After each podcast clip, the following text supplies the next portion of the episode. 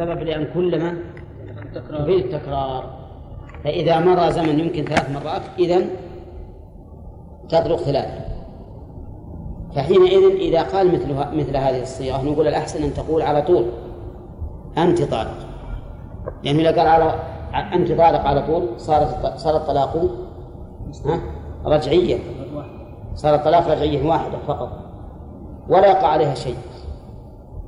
لأنه يقول كلما لم أطلقك فأنت طالق فإذا قال على طول أنت طالق فقد فقد بر في يمينه فقد بر في يمينه.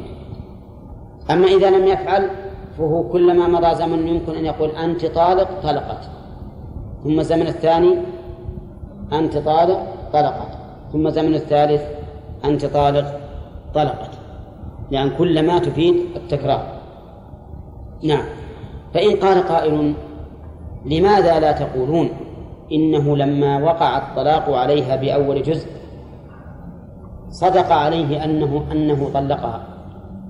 فلا يلحقه الطلقتان الأخريان. قلنا إن الظاهر من كلامه متى لم أطلقك كلما لم أطلقك بصيغة غير هذه بصيغة غير هذه. وإلا فالإنسان أن يقول إذا إذا كان كلما لم أطلقك فأنت طالق ومضى ما يمكن أن يقول فيه أنت طالق مهن تطلق؟ تطلق. طيب إذا طلقها. فلا يقع عليه أو فلا يقع عليها الطلقتان الأخريان. فالجواب أن المفهوم من كلامه كلما لم أطلقك يرحمك الله كلما لم أطلقك يعني بصيغة غير هذه الصيغة.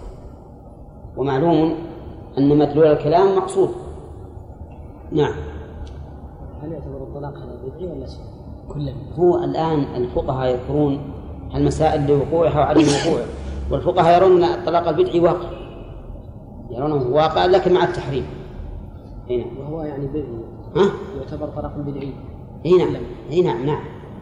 لكن لكن الكلام على أن الصيغة تقتضي هكذا. أما عاد هل يحرم ولا ما يحرم أو يكره هذا شيء آخر. يقول المؤلف طلقت المدخول بها ثلاث وتبين غيرها بالأولى.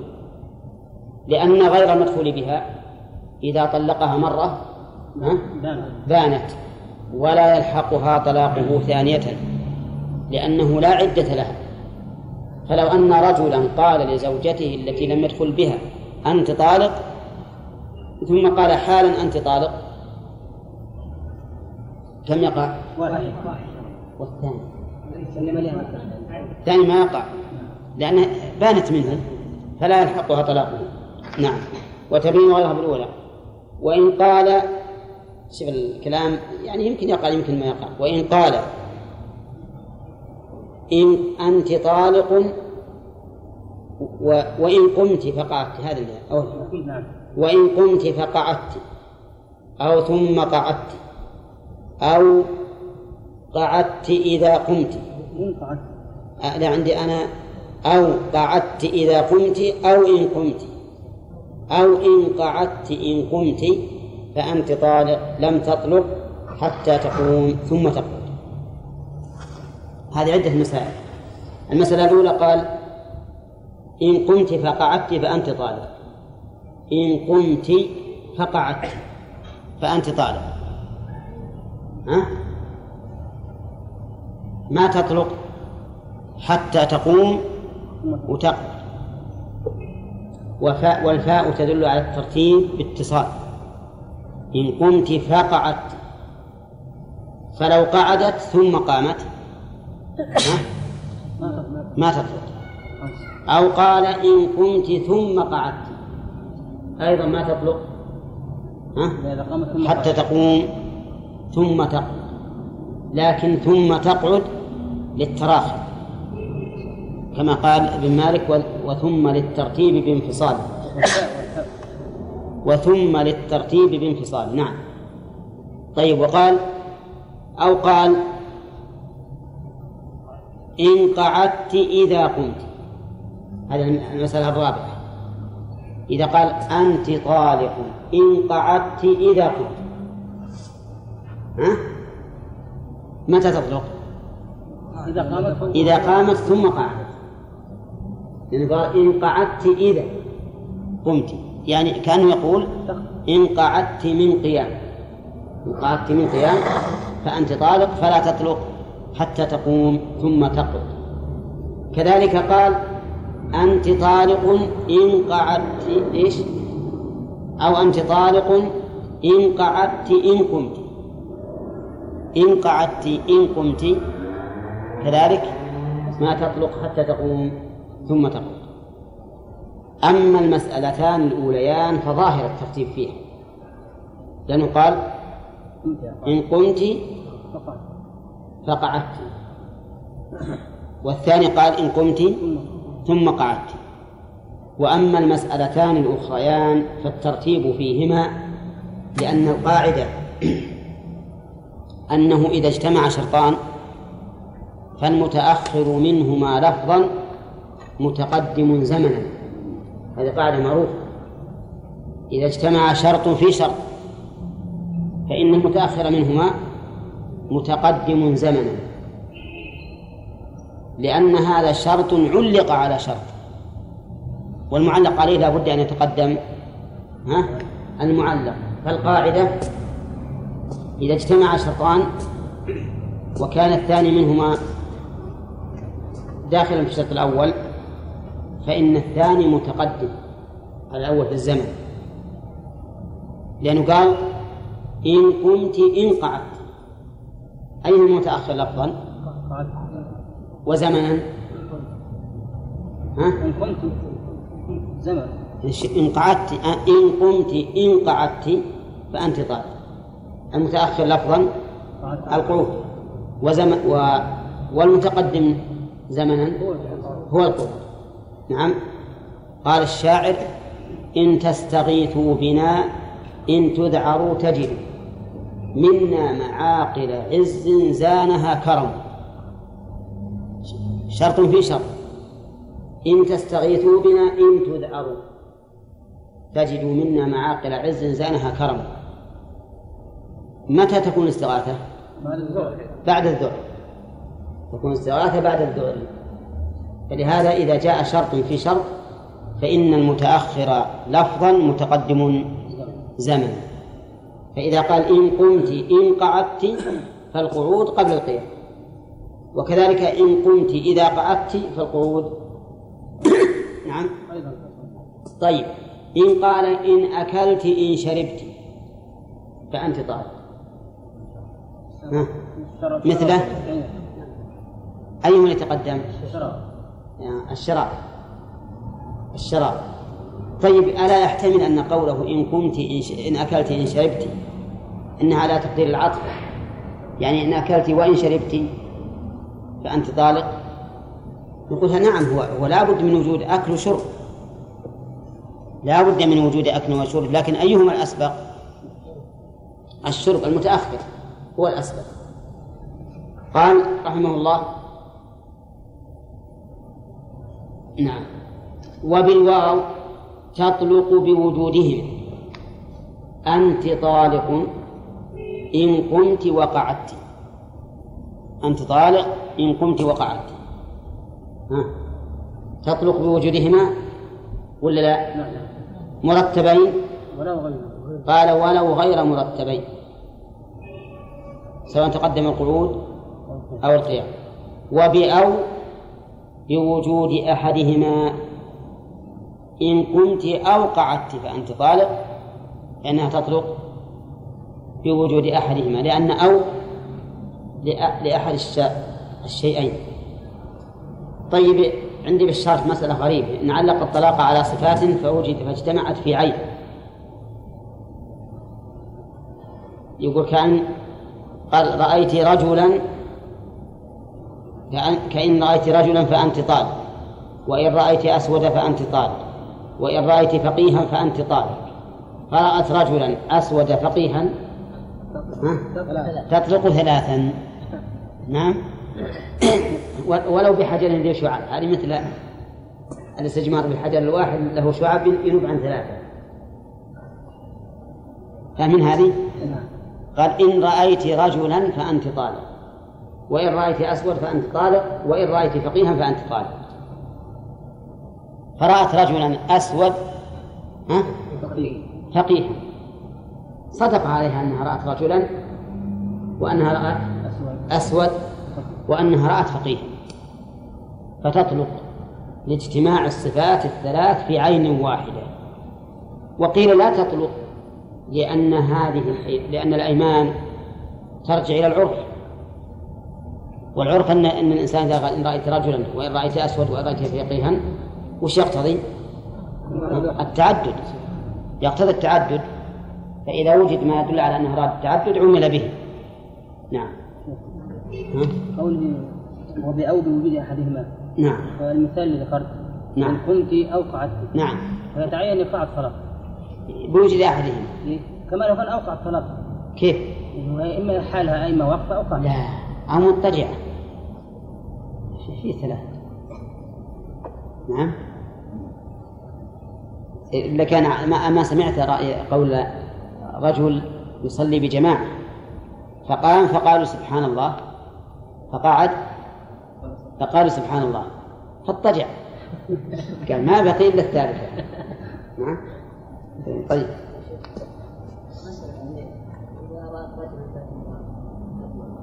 لا. واحد فقط؟ لا ما يقول فصل في تعليقه بالحيض. أيهن الصحيح إذا دل العرف على ما أنه أنه يريد التعدد فهو على ما ما أراد نعم. فصل في تعليقه بالحيض. إذا قال إن حضت فأنت طالق طلقت بأول حيض متيقن. مع أن هذا الطلاق حرام. بدعي لكن المذهب يرون أن الطلاق البدعي يقع وسبق أن الصحيح أنه لا يقع. قال وإذا حضت حيضة تطلق بأول الطهر من حيضة كاملة. واضح. قال إذا حضت حيضة وفيما إذا حضت نصف حيضة تطلق في نصف عادتها.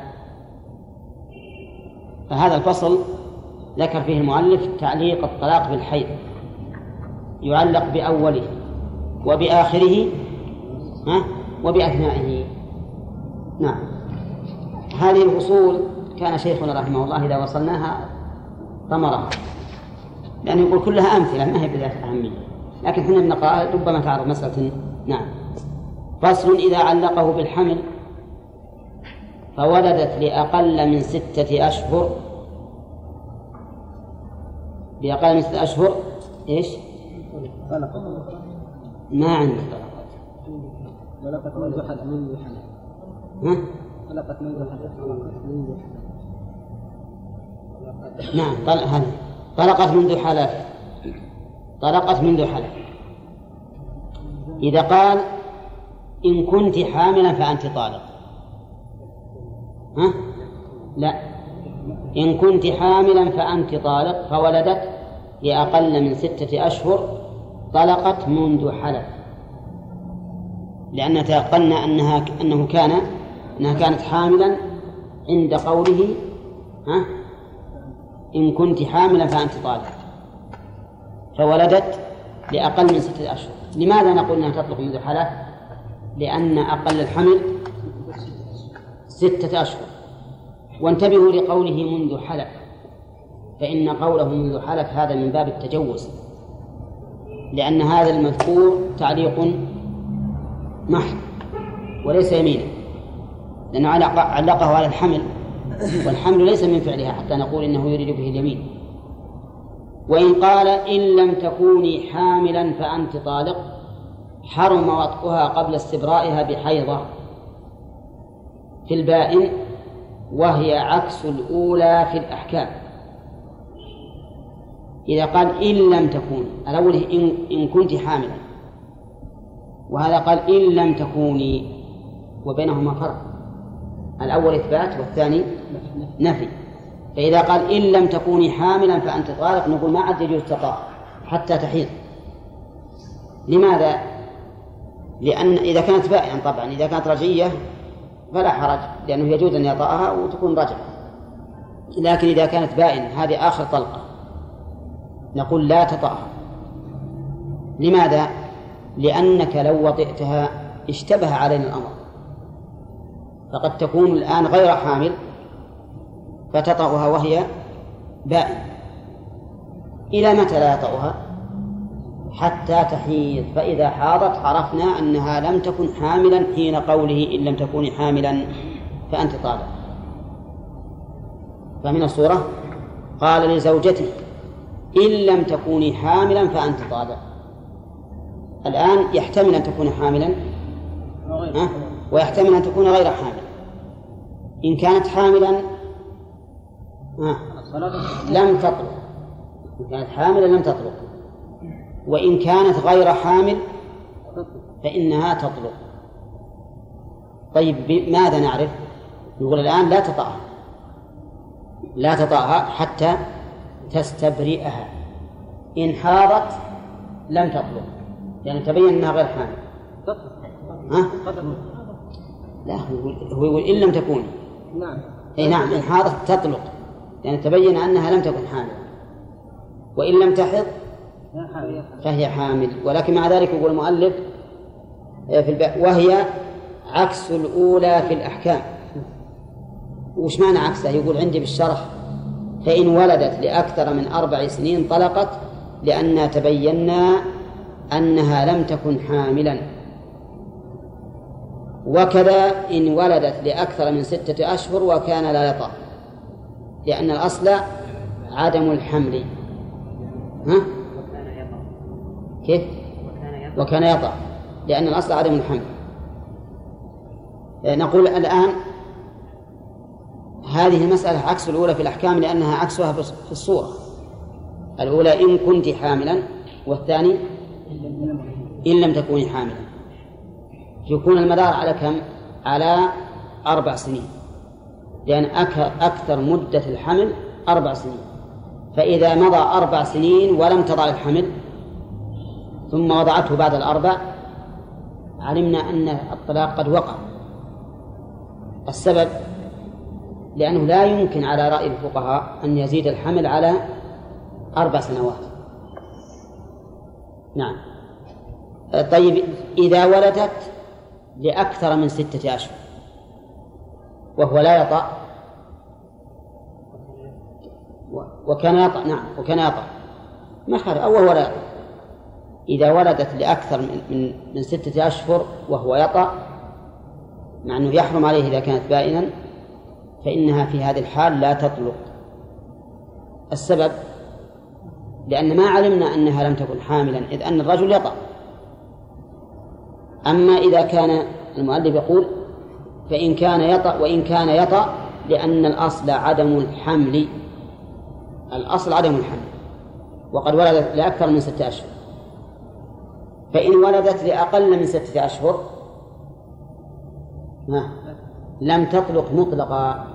سواء كان يطأ أم لا يطأ لأن لأنه يقول إن لم تكوني حاملا وقد تيقنا أنها حامل لأن أقل الحمل ستة أشهر. نعم. نعم. يقول حرم وقتها قبل استمرارها بحيضة. نعم.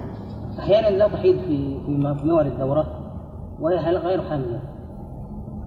فيمكن حيضة واحدة لا لا يتيقن يتيقن به. هم يرون أن, أن بناء على الظاهر.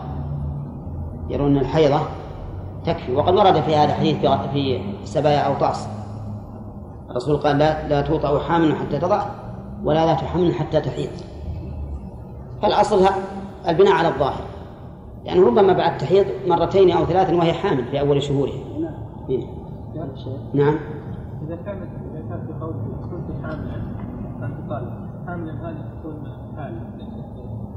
لا هذا خبر كان ها؟ إذا حامل حاملا خبر كان نعم يقول وإن وإن علق طلقة إن كانت حاملا بذكر وطلقتين بأنثى فولدت فولدتهما طلقت ثلاثا وش قال؟ قال إن كنت حاملا بذكر فأنت طالق طلقة. وإن كنت حاملا بأنثى فأنت طالق طلقتين. لأن الولد حب له من الأنثى. لكن المرأة ولدت توأما. يعني ولدت ولدا وأنثى. وش تطلق؟ تطلق ثلاثة. لأن واحد ذكر له طلقة. والأنثى طلقتين فتطلق ثلاثة. أما إذا قال إن كان حملك إن كان مكانه إن كان حملك أو ما في بطنك لم تطلق بهما. صفة الدقة من عاد العوام يفهمون هالكلام؟ نعم. إذا قال إن كان حملك ولدا إن كان حملك ولدا فأنت طالق طلقة وإن كان حملك أنثى فأنت طالق طلقتين. فولدت ذكرا وأنثى جميعا. فلا تطلق فلا تطلق السبب لأن حملها لم يكن واحدا الآن وهو يقول إن كان حملك ولدا ذكرا فأنت طالق طلقة. إن كان حملك أنثى فأنت طالق طلقتين. فولدت ذكرا وأنثى نقول ما تطلق. ليش؟ لأن حملها صار ذكرا وأنثى. وهو يقول إن كان حملك ذكرا وإن كان حملك أنثى. والآن صار الحمل ذكرا وأنثى شخصين. مختلف عن الحال. بخلاف بخلاف قوله إن ولدت ذكرا وإن ولدت أنثى. وهذه من من من دقائق العلم. اللي ما انتبه لها إلا طلبة العلم. نعم. و إن شاء الله يأتينا بالدعوة. نعم. إذا قال إن ولدت بنتا فأنت طالق نعم. وولدت ولد وبنت. نعم. نقول تطلق أو لا تطلق؟ إذا قال إن ولدت بنتا فأنت طالق تطلق مرة واحدة فقط. لا ولدت ولد وبنت في, في بطن واحد. أي نعم تطلق واحدة. بالبنت. إيه بالبنت. ثم قال فصل إذا عل إذا علق طلقة على الولادة بذكر وطلقتين بأنثى فولدت ذكرا ثم أنثى حيا أو ميتا طلقت بالأولى وبانت بالثاني ولم تطلق به. سبحان الله. إذا علق طلقة على الولادة بذكر وطلقتين بأنثى وش قال؟ قال إن ولدت ذكرا فأنت طالق طلقة وإن ولدت أنثى فأنت طالق طلقتين. فولدت ذكرا ثم أنثى. طلقت بالأولى عندكم بالأولى ولا بالأول؟ بالأول. وبانت بالثاني ولم تطلق به. طلقت بالأول لأنه ولد ذكرا. وبانت بالثاني لأنه لما ولدت الذكر الأول وطلقت شرعت في العدة شرعت في العدة العدة الآن ما بين الأول والثاني. كم من يوم؟ ها؟ يمكن دقائق. فلما ولدت الثاني انتهت عدتها. فبانت بالثاني. إذا بانت لا تلحقها الطلقة لأنها تكون وقعت عليها وهي بائن من زوجها. واضح؟ اللغة ما هي؟ واضح. طيب. هذا رجل قال لزوجته إن ولدت ذكرا فأنت طالق طلقة وإن ولدت أنثى فأنت طالق طلقتين. نعم. فولدت أولا الذكر. ولدت الذكر تطلق. أولا. وش السبب؟ لأنه ولدت ذكرا فحل عليها الطلاق إذا ولدت الأنثى بعده لم تطلق. لم تطلق. لكنها تبين بالأنثى. تبين لأنها انتهت عدتها. فإذا انتهت عدتها بولادة البنت صادف التعليق امرأة بائنا. والمرأة البائن لا قال لا قوال الطلاق اي لكن واحد واحدة في الولد. ها؟ طيب لم الآن صارت حامل يعني ما بعد انتهى حملها وولاة الأحمال أجلهن أيضا حملهن. لما وضعت البنت انقضت العدة. لما وضعت البنت انقضت. طيب إذا انقضت العدة يكون الطلاق واقعا على غير محل. يعني يقول إن ولدت أنثى فالطلاق لا يقع إلا بعد ولادة الأنثى وهي بولادة الأنثى بانت من زوجها. فيصادفها الطلاق المعلق وهي ليست ليست زوج سبحان الله. من يبغى لكم كيف تبين؟ نعم. لا ما يجوز لا ما يجوز أن يقال طلقتين. وقصد الأنثى طلقتين. بس ما يقعون. ها؟ على هذا ال- إي نعم. ما تقع الطلاق لأنه بانت منه الآن. ما يقع عليه طلاق. الأول. له أن يعقد عليها عقدا جديدا. إلا إن كانت صغرى له أن يعقد عليها عقدا جديدا. ما بين الوضعين. هو هو هو العدة. يعني بانت من الصغرى لا طلقت بالأولى. طيب وبانت بالثانية. بينونة الصغرى بمعنى أنه إن شاء أن يعقد عليها عقدا جديدا فله ذلك. واضح الآن؟ والسبب في ذلك؟ لأنها انتهت العدة فصادف قوله إن ولدت أنثى فأنت طالق طلقتين. صادف امرأة ليست زوجة له ولا معتدة منه. نعم. يعني بعد ولادة الولد فورا راجعها. نعم. يقع عليها الطلقتان. اي نعم. ولادة الأنثى. نعم. يمكن أن يحدث هذا. يفرح بالولد مش-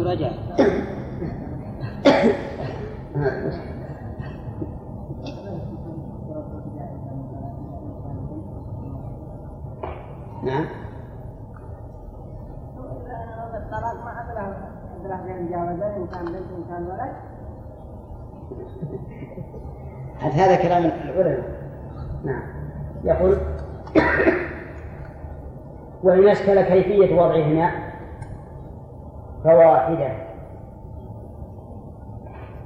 إن قالوا المادة يعني يوضع الذكر الأول أو الأنثى الأولى أو جميعا فإن فإنها تكون واحدة. لأن الواحدة متيقنة وما زاد عليها مشكوك فيه. فصل في تعليقه بالطلاق نعم إذا وزنت ما ما يقع إلا واحدة فقط لأن ما نجي أيهما الأول نعم إذا ولد كنت إذا ولد كنت يعني وهو قال إيش؟ ذكر وش هو قايل؟ بين الأول ولدت ذكر. أنت ولدت أنت فأنت طيب نعامله بال... نعامله بال- بالمتيقن وهي الواحدة فقط. فصل إذا علقه على الطلاق ثم علقه على القيام. إيش بعده؟ وعلقها على القيام. أو علقه على القيام. ثم علقه على الطلاق؟ ثم علقه على وقوع الطلاق. عن مين عندي؟ يقول إذا علقه على الطلاق. ثم علقه على القيام بأن قال إن قمت فأنت طالق ثم قال إن وقع عليك طلاقي فأنت طالق فقامت طلقت طلقتين فيهما. واضح؟ يختلف تماما. يختلف؟ المتن هذا لأن إذا علقه على الطلاق ثم على القيام فقامت طلقت طلقتين فيه. عندي على كل حال هذه المسألة واضحة. علقه على الطلاق. قال إن طلقتك فأنت طالق. ثم علقه على القيام مرة ثانية. فقال إن قمت فأنت طالق. فقامت فإنها تطلق طلقتين. السبب أما الأولى فواضح. وأما الثانية فلأنه قال إن طلقتك فأنت طالق فلما قامت وقع عليها الطلاق فتطلق طلقتين. فيهما أي في مسألتين. واحدة بقيامها وأخرى بتطليقها الحاصل بالقيام في المسألة الأولى. وإن علقه على قيامها ثم على طلاقه لها فقامت فواحدة. إذا علقه على الطلاق مو على القيام أولا على الطلاق على قيامه نعم. ثم إذا علقه على على الطلاق يعني على وقوعه. على قيامه ثم على طلاقه لها فقامت فواحدة.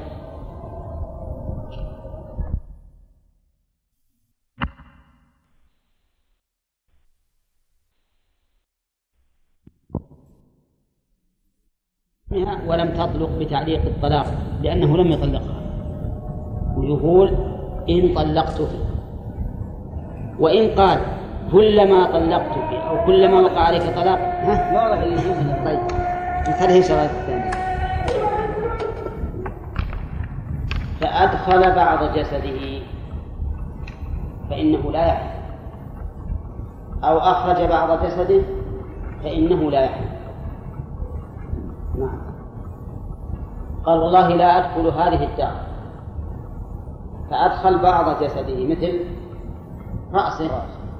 يعني انحنى بظهره حتى دخل رأسه من الباب فإنه لا يحنث. السبب لأنه ما دخل. وكذلك بالعكس لو قال والله لا أخرج من هذا البيت لا أخرج. ثم أخرج بعض جسده لم يحنث. لأنه لم يخرج. هذا التعليل. أما الدليل فلأنه قد ثبت عن النبي صلى الله عليه وسلم أنه كان يخرج رأسه إلى عائشة وهو معتكف وهي في حجرتها فترجله. والمعتكف يخرج من المسجد ولا ما يخرج؟ ممنوع من الخروج من المسجد. فدل هذا على أن إخراج بعض الجسد لا يكون إخراجا. كذلك يقول أو دخل طاق الباب. دخل كله لكن تحت طاق الباب فإنه لا يحمل سواء بدخول أو بخروج. السبب؟ لأنه لم ينفصل منه ما انفصل من المكان. صحيح أنه خرج لكن ما انفصل والعبرة بالعرف. هذا في منزلة بين منزلتين. نعم؟ إذا صار على طاق الباب لا تقدر تقول إنه من داخل ولا من خارج. فهو لم يخرج. نعم. ولم يدخل. صح؟ طيب أو دخل طاق الباب. يقول أو لا يلبس ثوبا من غزلها فلبس ثوبا فيه منه. لا يلبس ثوبا من غزله غزل من؟ زوجته. أو أو أي امرأة. امرأة. وإنما قال من غزلها لأن الذين لأن اللاتي يغزلنهن النساء في الغالب. وكان بعض الكبار منكم يعرف هذا أن اللي يتولى الغزل المرأة. فإذا حلف لا يلبس ثوبا من غزلها فلبس ثوبا فيه من غزلها. فإنه لا يحلف. لماذا؟ لأن البعض ليس كالكل. هذا فيه بعض من غزلها وليس فيه كل الغزل. واضح؟ طيب. أو يقول المؤلف أو لا يشرب ماء هذا الإناء فشرب بعضه لم يحنث. قال والله لا أشرب ماء هذا الإناء. فشرب بعضا منه. فإنه لا يحنث. لماذا؟ ما شربه لأن البعض ليس كالكل. وقد سبق لنا أن ما كان إيجابا فإنه يشمل الجميع. الإيجاب يشمل الجميع.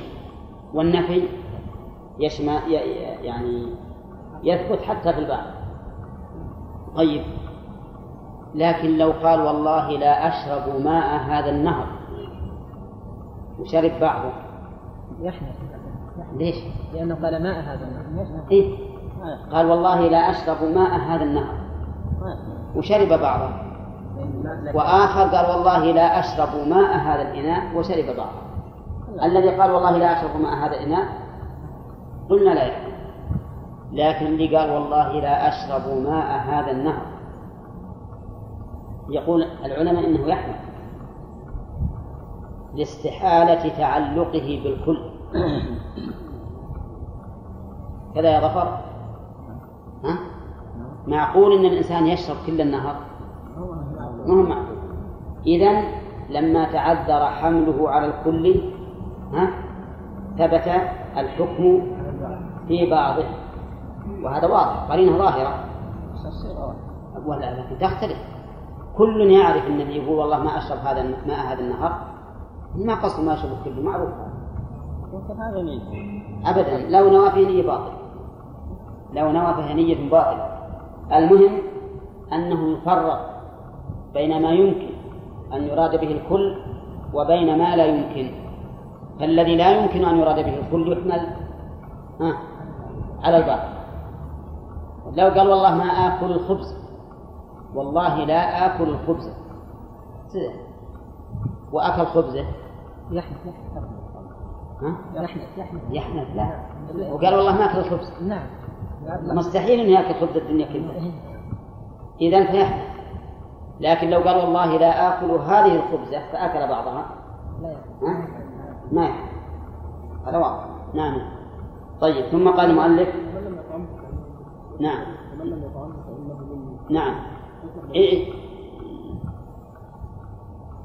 فمن شرب لا أصل هذا قال منه. التبعيضية موجودة. فمن شرب منه. واضح. الله آدم بدأ يأتي بالمعضلات إذا قال والله لا أشرب ماء هذا الماء هذا يمكن يشربه لو ما شربه اليوم شربه غدا. نعم. يقول المؤلف شرب بعضه ولم يحلف وإن فعل المحلوف عليه ناسيا أو جاهلا حمث في طلاق وعتاق فقط. إذا فعل المحلوف عليه ناسيا مثل أن يقول والله لا أكلم فلانا. فنسي فكلمه فلا شيء عليه. لا شيء عليه لأن الحنث على اسمه حنث. يعامل معاملة الإثم وفعل ما يأثم به على وجه النسيان. ها؟ لا شيء فيه. لقوله تعالى ربنا لا تؤاخذنا إن نسينا أو أخطأنا. فهذا الرجل قال والله لا ألب لا أكلم فلانا فكلمه ناسيا. نقول له لا شيء عليه. ولكن هل تبقى يمينه أو تنحل؟ تبقى يمينه. تبقى يمينه بمعنى أنه ما عاد يكلمه مرة ثانية. يمينه تبقى لكنه لا يحنث بمعنى لا نلزمه بالكفارة كذلك لو فعله جاهلا. قال والله لا ألبس هذا الثوب. فلبس ثوبا يظنه غيره. فتبين أنه المحلوف عليه فليس عليه حنث فليس عليه حنث لكن متى علم وجب عليه خلعه. وجب عليه خلعه. ويمينه باقية ولا لا؟ يمينه باقية. كذلك لو فعله مكرها. أكره على أن يفعل المحلوف عليه ففعل فإنه لا حنث عليه. ولكن اليمين باقية وكذلك لو فعله نائما. فعله نائما. كيف يفعل نائما؟ إي نعم. حلف قال والله لا ألبس الغترة اليوم. ما ألبس الغترة هذا. ونام جنبه غترة ولبسه فليس عليه ليس عليه شيء لأنه نائم. ولهذا المحرم لو غطى رأسه وهو نائم فلا شيء عليه. لكن متى استيقظ؟ وجب عليه إزالته أو يحمل نعم. وقال المؤلف حنث حنث في طلاق وعتاق فقط. يعني وفي غيرهما؟ لا يحنث. في طلاق وعتاق. كيف في طلاق؟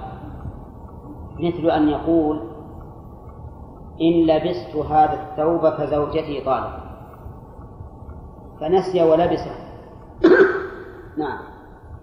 تطلق زوجته؟ ها؟ إيه نعم تطلق زوجته. تطلق الزوجة. وكذلك لو قال إن لبست هذا الثوب فزوجتي طالق ولبسه جاهلا أنه الثوب الذي علق الطلاق عليه فإن زوجته تطلق. لماذا؟ لأن الطلاق حق آدمي والآدمي لا يعذر فيه بالجهل حق الآدمي ما يعذر فيه بالجهل والنسيان. هذا هو السبب.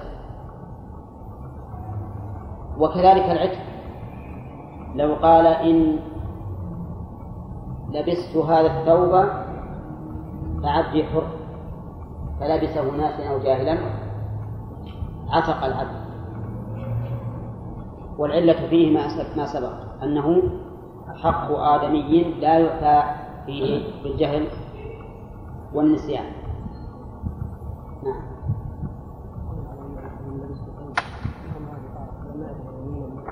لا على المذهب طلاق اي الصحيح أنه يمين كما سبق. اي نعم. اي نعم. إنك لا التفريع على المذهب في مساله الطلاق والصحيح في هذه المسألة أنه لا حنث عليه لا في الطلاق ولا في العتق. الصحيح أنه لا حنث عليه لأن الكل يمين فهو مغلظ فيه حق الله عز وجل. وعلى هذا فلا تطلق زوجته بذلك ولا يعتق عبده بذلك. وهذا هو اختيار شيخ الإسلام ابن تيمية رحمه الله وهو الصواب. كذلك لو حلف على شيء يظن أنه كذا وليس كذلك. نعم. فإنه لا حنث عليه إلا في الطلاق والعتق. مثل أن يقول والله ما قدم فلان والله ما قدم فلان. يظن أنه لم يقدم. وتبين أنه قادم. فالمذهب أن الطلاق يقع إذا كان طلاقا. مثل أن يقول إن كان فلان قادما فزوجتي طالق وهذا ظنه أنه لم يقدم. المذهب أن الزوجة تطلق. المذهب أن الزوجة تطلق. والصواب أنها لا تطلق. لأن الحكم حكم حكم اليمين. وقد ثبت أن رجلا قال للرسول عليه الصلاة والسلام لما قال خذ هذا فتصدق به فقال الرجل أعلى أفقر مني يا رسول الله؟ فوالله ما بين لابتيها أهل بيت أفقر منه. حلف حلف على هذا. وهل هو قد فتش البيوت؟ ما فتش ولكنه حلف على ظنه. وكذلك في القسامة كما مر علينا أن أولياء الدم يحلفون على القاتل وإن كانوا لم يروا بناء على غلبة ظنهم. كذلك أيضا لو حلف على شيء مستقبل يظن وقوعه فلم يقع. يظن وقوعه فلم يقع. مثل أن يقول والله ليقدمن زيد غدا. ثم لم يقدم. فلا شيء أعلم. لأنه حين قال والله لا يقدمن غدا ليس يريد الالتزام ولا الإلزام. لا يريد الالتزام ولا الإلزام وإنما يخبر يخبر عما في قلبه وما في قلبه فهو في قلبه سواء قدم أم لم يقدم. حتى وإن لم يقدم لو سئل لقال أنا نعم أنا أظن أنه سيقدم وأنا ما حلفت إلا على شيء أظن وقوعه وما زلت أظن وقوعه حتى غربت الشمس. أفهمتم؟ وكذلك لو كان طلاقا. فقال علي الطلاق ليقدمن زيد غدا فلم يقدم. وهو قصد الخبر. ما قصدها التزام زيد بالقدوم ولا التزامه أن يلتزم بمجيء بمجيئه به. فإنه نعم. لا حنث عليه. هذا هو الصواب في المسألة. وهو أن لأن الأصل أن العبادات مبنية على غلبة الظن. هذا هو الأصل. ولا يكلف الله نفسا إلا وسعها. نعم. وكذلك العتق نعم. يقول المؤلف رحمه الله وإن فعل بعضه. وإن فعل بعضه لم يحنث إلا أن ينويه. وش هذه؟ قبل شيء عندكم. وإن فعل بعضه أي بعض ما حلف عليه لا شك. من حلف على شيء لا يفعلنه ولكنه فعل بعضه. لم يحنث إلا أن ينويه. إن حلف بعض ما حلف على كله لم يحنث إلا أن ينويه. فإن نواه حنث. لأن الأيمان مبنية على النية. مثال ذلك قال والله لآكلن والله لآكلن هذه الخبزة فأكل بعضها. ما تقولون؟ ها؟ يحنث. قال والله لا آكل هالخبزة وأكل بعضها. دعني يحنث ولا لا؟ ما يحنث. ولهذا لو لو اقتصر على بعضها. أقول له نكل أنا بحاجة إنك تاكله يصح إني أوجه عليه هذا ولا ما يصح؟ يصح نعم. وهناك حالة إنك تأكلها كلها. لكن إلا إذا نوى أنه والله لا آكل من هذه الخبزة أي جزءا منها. يعني لأطعمنها قصد مجرد طعمه طعمه فإذا كان له نية فعلى ما نوى. نعم. وكذلك لو كان هناك قرينة كما تقدم لنا في مسألة. إيش؟ ها؟ في مسألة النهر. فإذا كان هناك نية تدل على أنه أراد البعض أو قرينة تدل على أنه أراد البعض فعلى ما وإن حلف ليفعلنه لم يبر إلا بفعله كله. حلف لا يفعلنه وش يفعلنه؟ لا يفعلن هذا الشيء المحلوف عليه فهو ما يبر إلا بفعله كله. إلا بفعله كله. مثل أن يقول والله لأكتبن باب الطلاق من زاد المستقبل. ويوم كتب السطرين قال خلاص ما نتكلم وش نقول؟ يحنث ولا لا؟ يحنث. لأنه إذا فعل البعض لا يبر إلا بفعله كله إلا بفعله كله. وأظن هذه واضح واعلم أن ما ذكره المؤلف هنا تحكم فيه النية. فإذا نوى شيئا حكم به لأن أول ما نرجع في الأيمان إلى نية إلى نية الحالف كما سيأتي إن شاء الله في الأيمان. ثم قال المؤلف باب التأويل في الحلف. التأويل في الحلف فسره بقوله ومعناه أن يريد بلفظه ما يخالف ظاهره. هذا التأويل أن يريد باللفظ ما يخالف الظاهر. التأويل من المتكلم ولا من المخاطب؟ من المتكلم. ولهذا قال أن يريد بلفظه. فهو مؤول لكلامه على خلاف ما يظهر لنا فنسأل أولا ما حكم التأويل؟ هل هو جائز أو واجب أو محرم أو ماذا؟ نعم.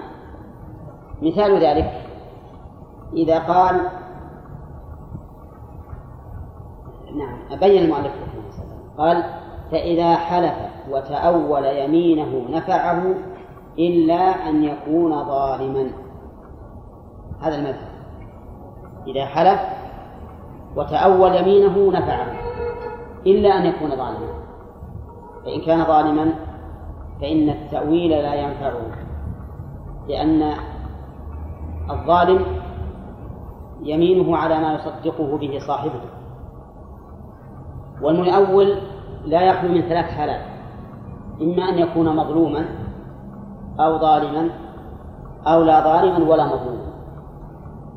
إن كان مظلوما فالتأويل جائز له بالاتفاق.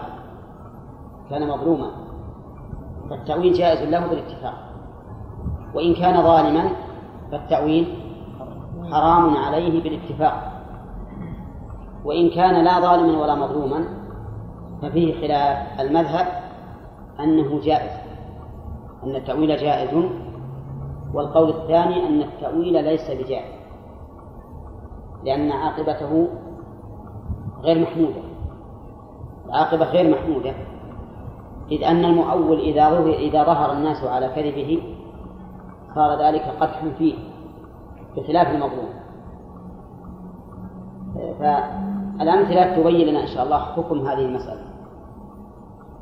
فإذا حلفه ظالم ما لزيد عندك شيء وله عنده وديعة بمكان. فنوى غيره أو بما الذي يعني أو نوى بما الذي. هذا إنسان ظالم سمع أن عندك مالا لفلان وديعة وجاي بياخذها منك. أنت حاطنا الوديعة في في الحجرة رقم واحد. نعم؟ وجاي يحلف قال عطني الوديعة اللي عندك لفلان قلت ما عندي شيء. قال عندك. فقلت ليس عندي شيء. قال احلف. إن ما عندك شيء. فنويت بقولي ما عندي شيء له أو ما عندي له وديعة. نويت الحجرة رقم اثنين. أنا حاطب رقم واحد ونويت الحجرة رقم اثنين. يجوز هذا ولا لا؟ نعم. وصادق أنت ولا غير صادق؟ صادق. ها؟ صادق؟ يعني ما في في الغرفة رقم اثنين شيء. لأن ما في رقم واحد شيء. رقم اثنين. آه نعم. أنا جاري في رقم واحد. وقلت والله ما عندي له وديعة ونويت رقم اثنين فإني صادق في هذا. المخاطب وش يظن بقولي والله ما عنده شيء؟ إنه ما عندك شيء خالص. إن ما عندي شيء مطلقا. لا في الحجرة رقم واحد ولا في الحجرة رقم اثنين ولا في سائر البيت. هذا جائز. ولا لا؟ طيب. إذا حلف وأراد بما الذي بما الذي لأن ما تصلح أن تكون اسما موصولا وتصلح أن تكون نافية. فإذا قيل والله ما عندي له شيء والله ما عندي له شيء. حلف للظالم اللي بياخذ مال فلان قال والله ما عندي لفلان شيء. نعم. يصلح أن ينوي ما الذي. نعم نعم. وش التقدير؟ والله. الذي عندي له شيء. صح. كذا؟ ونعرف ما على على تأويله؟ مبتدأ. نعم. نعرفها مبتدأ. وعلى مفهوم الظالم؟ نعرفها؟ نافية نعم. طيب لو قال لو كان هذا الظالم ذكيا وقال قل والله ما أعطاني شيئا. يقدر يأول؟ ما أعطاني شيئا. ونوى بما الذي. ما يصلح. لأنه قال الظالم قل والله ما أعطاني شيئا. شيئا بالنص. لو جعل ما بمعنى الذي كان تكون ها؟ شيء. لكانت شيء يعني والله الذي أعطاني شيء. نعم؟ أفهمتم؟ لكن إذا تعذر أن يجعل ما اسما موصولا ينوي ها؟ غير اللحظة. يعني ما أعطاني شيئا مثلا هو معطيه دراهم. قال والله ما أعطاني شيئا من الغنم. ينوي غير الجنس اللي أعطاه. يصلح ولا ما يصلح؟ يصلح. طيب هذا في الظالم فهمنا أنه يجوز التأويل واعلم أنك إذا قلت يجوز. ليس المعنى أنه مستوى الطرفين. بل قد يكون واجبا وقد يكون مستحبا. لأن القاعدة عندنا كما تقدم كل مباح فإنه يمكن يمكن أن تجري فيه الأحكام الخمس. كل مباح. يمكن أن تجري فيه الأحكام الخمسة ما مرت علينا القاعدة هذه؟ نعم. نعم. طيب. إذا إذا قلنا إن التأويل للمظلوم جائز فالمعنى أنه قد يكون واجبا؟ فلو كان هذا الظالم سيأخذ الوديعة إذا تبين أنها عندك. صار التأويل واجب. واجبا. لأن حفظ الوديعة واجب. ويقال إن الإمام أحمد كان جالسا مع أصحابه ومعه المبرود أو المدوزي نسيت. المهم جاء واحد يسأل عنه. يسأل عن المبرودي فقال الإمام أحمد ليس المبرودي ها هنا وما أصنع المبرودي ها هنا. يعني ليس في يده. وش يعني؟ في يده. يعني في يده. المبرودي ما هو قاعد براحة الإمام أحمد. صح؟ نعم. فتأول لكن هذا التأويل لمصلحة. وش المصلحة؟ المصلحة أن المبرودي أحد تلاميذ الإمام أحمد لا يحب أن يحرمه حديثه وربما أن الإمام أحمد عرف أن هذا الرجل لا يريد أن يناديه لأمر هام. طيب إذا كان الإنسان ظالما يجوز يتأول؟ ما يجوز. ظالما. لا لا يجوز أن يتأول. مثال ذلك رجل بينه وبين شخص خصومة. فذهبوا إلى المحكمة. ووجهت اليمين على المدعى عليه. قال له القاضي قل والله ما عندي له شيء. والله ما عندي له شيء. نعم. فقال المدعى عليه والله ما عندي له شيء. يريد من لا صوت الذي يريد بالماء بماء الذي القاضي ماذا يصنع؟ يحكم. سيحكم بالظاهر وهو براءة المدعى عليه من الدعوة. ولكن هل ينفعه ذلك عند الله؟ لا. ما ينفعه لأنه ظالم. والظالم لا ينفعه تأويله بالاتفاق. يمينك على ما يصدقك به صاحبه. طيب إذا كان الإنسان ليس ظالما ولا مظلوم ولا مظلوم. ما هو ظالم ولا مظلوم؟ وتأول ها؟ نعم؟ هذا ما له داعي. نعم صحيح ما له داعي. شيخ الإسلام يقول ما يجوز يتأول لأنه ربما يعثر على كذبه فيما بعد ويكون ذلك قادحا في صدقه. وما دام إنه مو بحاجة فلا يعرض فلا يعرض نفسه للقدح والذم. أما إن احتاج إذا احتاج مثل واحد يسألك عن شيء ما هو محرج. شيء محرج هو لا ينبغي أن يسأل عنه لأنه لا يعنيه وأنت ما ودك تتعلم به. فهذا لك لا بأس أن تتأول. ويقال لهذا الرجل لماذا سأل عن شيء لا يعنيه وهذه قد يحتاج إليها الإنسان. طيب لكن إلى حد بعض الناس بعض الناس ما له رأي. قال احلف إنك ما تأولت وش تقول؟ نعم. لأن بعض الناس يمكن تأول يقول أحدكم نعم. يقول والله ما تأولت يعني ما تأولت في آيات الصفات. أنا أجريها على ظاهرها نعم. أو ما تأولت في, في, في الكتاب الفلاني مثلا أو ما أشبه ذلك. ينوي ما دام ابتلي بهذا بهذا البلية يداويه بمثله. قال بهذا نعم. الموضوع. ها؟ وقال بهذا الموضوع حق يعني نعم. إذا قال بهذا الموضوع يشير إلى الأرض. نعم. المهم يقدر يتخلص الإنسان. ولكن بقينا إذا أكره الإنسان على شيء ولم يتأول وفعله لداعي الإكراه. ينفذ ولا لا؟ ما ينفذ. لو أكره على أن يطلق زوجته وقال زوجتي طالق يريد طالقا من وثاق ما تطلق. قال زوجتي طالق يريد دفع الإكراه دون طلاقه. ما تطلق أيضا قال زوجتي طالق يريد طلاقها لكن لأنه أكره على ذلك.